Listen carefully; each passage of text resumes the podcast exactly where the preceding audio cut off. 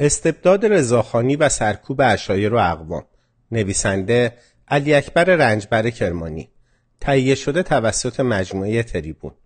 پرسش اساسا ایلات و اشایر در طول تاریخ برای ایران تهدید بودند یا فرصت؟ پاسخ برای پاسخ به این پرسش کافی است به تاریخ تعامل سران ایلات و اشایر با حکومت‌های مرکزی ایران توجه و آنها را بررسی کنیم. تا قبل از دوره رضاشاه با اینکه دولت‌های مرکزی ایران هیچگاه دولت‌های مرکزی قدرتمندی نبودند و حتی در دوره قاجار پس از آقا محمد خان دولت مرکزی ضعیفی وجود داشت گریز از مرکز بین ایلات و اشایر ما وجود نداشت بلکه ایلات و اشایر تحت اداره ایلخانها و کلانترانشان و رهبرانشان بودند و رهبران آنها هم بهترین تعاملها را با دولت مرکزی داشتند و از طرف دولت مرکزی ایل خود را اداره می کردند.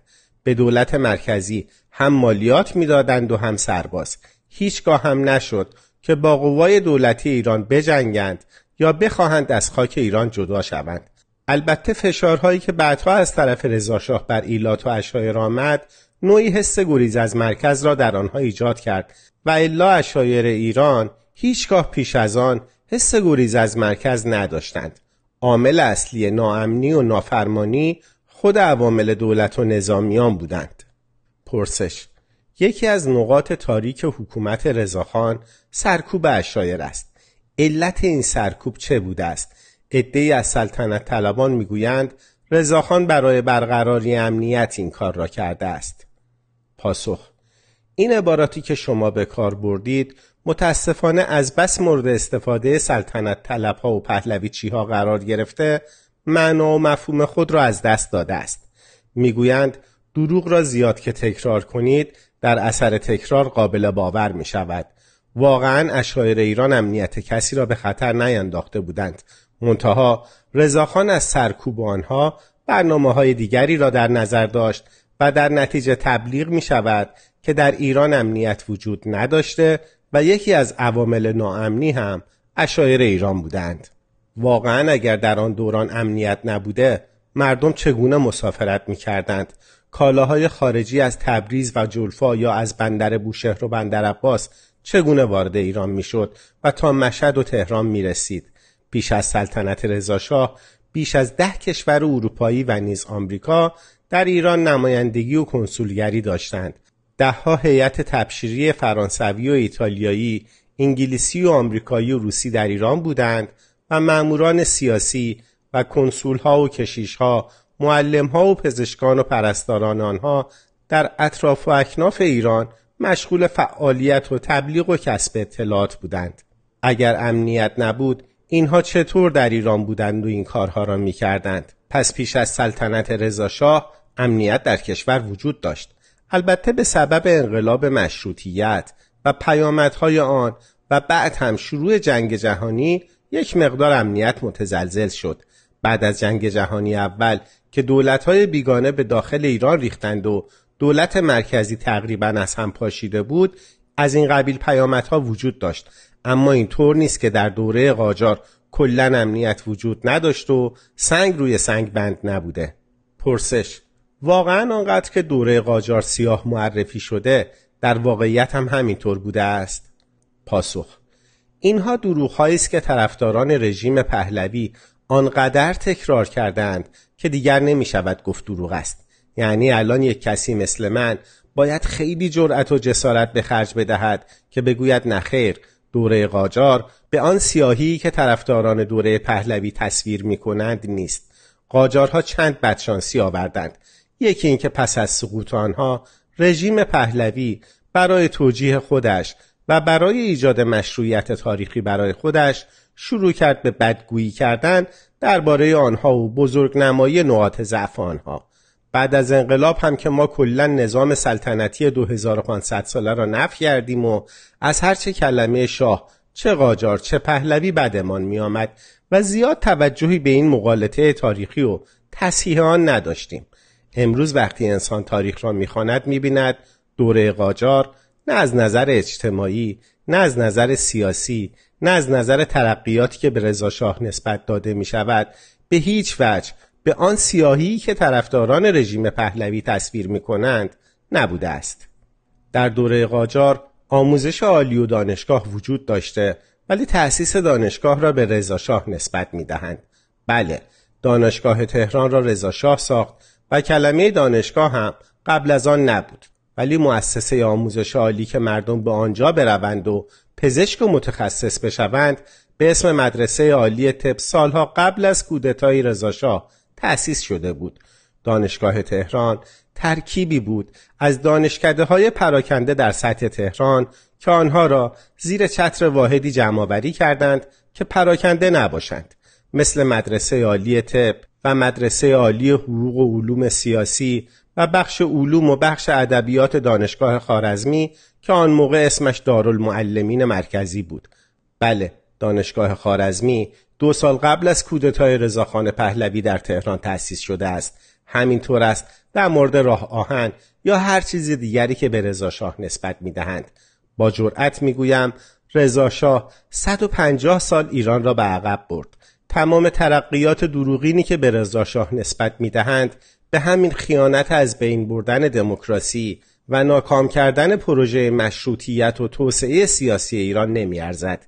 یک راه آهنش که اینقدر درباره آن تبلیغ و بزرگ نمایی می کنند اصلا و ابدا چیز مهمی نبود.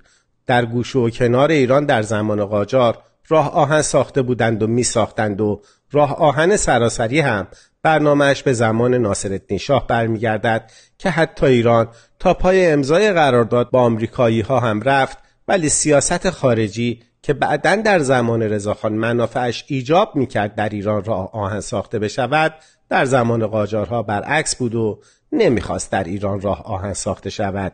پرسش اما می‌گویند کشور ایران در دوره قاجار بسیار عقب افتاده بوده است.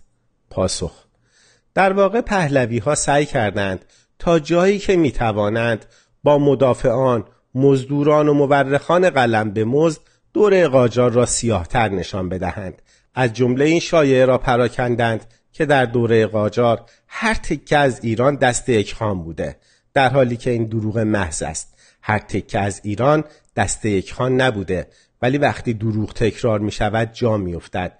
در واقع قاجاریه وارث عقب افتادگی ایران بودند. نه باعث آن. ایران در زمان فتلی شاه ناگهان مورد حمله قوی ترین ارتش اروپا یعنی روسیه که یک ارتش مدرن بود قرار گرفت. با همه این احوال اینطور نبود که ایران یک روز تسلیم آنها بشود. جنگ های ایران و روس سالها طول کشید و بارها اتفاق افتاد که ارتش ایران آنها را شکست داد. ولی سرانجام کار ایران به شکست و از دست دادن قفقاز کشید.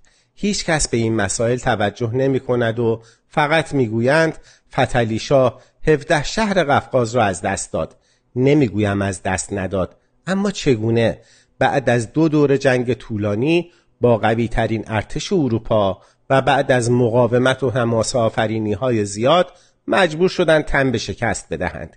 چیزهایی که اتریش و آلمان بعد از شکست در جنگ جهانی اول یا آلمان و ژاپن بعد از شکست در جنگ جهانی دوم قبول کردند صد مرتبه بدتر بود. ناچاری با خیانت فرق می کند انصاف داشته باشید. پرسش با توجه به نقش مثبت اشایر علت سرکوب اشایر توسط رضاخان چه بود؟ پاسخ علت سرکوب این بود که تا آن موقع یک پراکندگی و در واقع یک جور کسرت در عین وحدت در ایران برقرار بود. یعنی ایلخان بختیاری و قشقایی و غیره تا حد زیادی در اداره امور ایل خود خود مختار بود.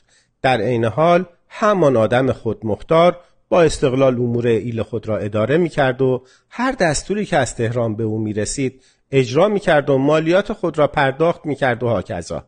حالا یک وقت دولت مرکزی ضعیف بود و زورش هم نمی رسید او هم مالیات خود را دیر پرداخت می کرد و غیره. ولی هیچگاه هوس جداسری نداشت. رضاخان پهلوی که آمد خواست دولت مرکزی واحدی باشد که جز در تهران در جای دیگری قدرتی وجود نداشته باشد. اگر ایلهای بختیاری و قشقایی و غیره می‌خواستند همان قدرت سابق را داشته باشند هر آن احتمال می‌رفت که اینها جلوی دیکتاتوری رضاشاه یا تجاوزهای انگلستان بیستند و یک وقت اگر در تهران انقلابی بر ضد دیکتاتوری پهلوی اتفاق افتاد آنها هم به کمک بیایند همانطور که در دوره مشروطیت آمدند. اینها مجموع عواملی بود که باعث شد رضا شاه به بهانه امنیت به سرکوب اینها بپردازد. البته فقط ظاهرش برقراری امنیت بود اما باطنش فقط سرکوب بود که فقط یک صدا در ایران باشد و آن یک صدا هم فقط در تهران و در کاخ سلطنتی باشد و از حلقوم رضاشاه بیرون بیاید. پرسش نابسامانی که در نتیجه جنگ جهانی اول در کشور رخ داده بود هیچگاه اشایر را به سمت خودمختاری و گریز از مرکز نکشاند؟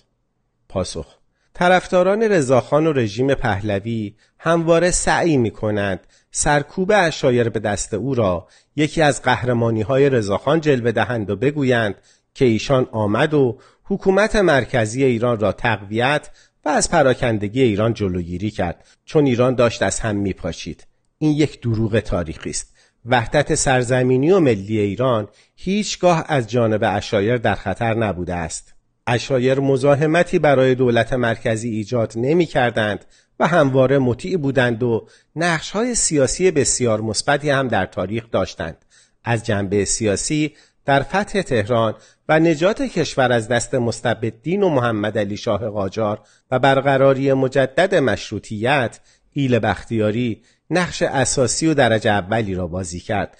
بعد از آن هم رهبران ایلات در تعامل مثبت با دولت مرکزی قرار داشتند و هیچگاه علم نافرمانی را بر نیفراختند و نخواستند قطعی از خاک ایران را جدا کنند.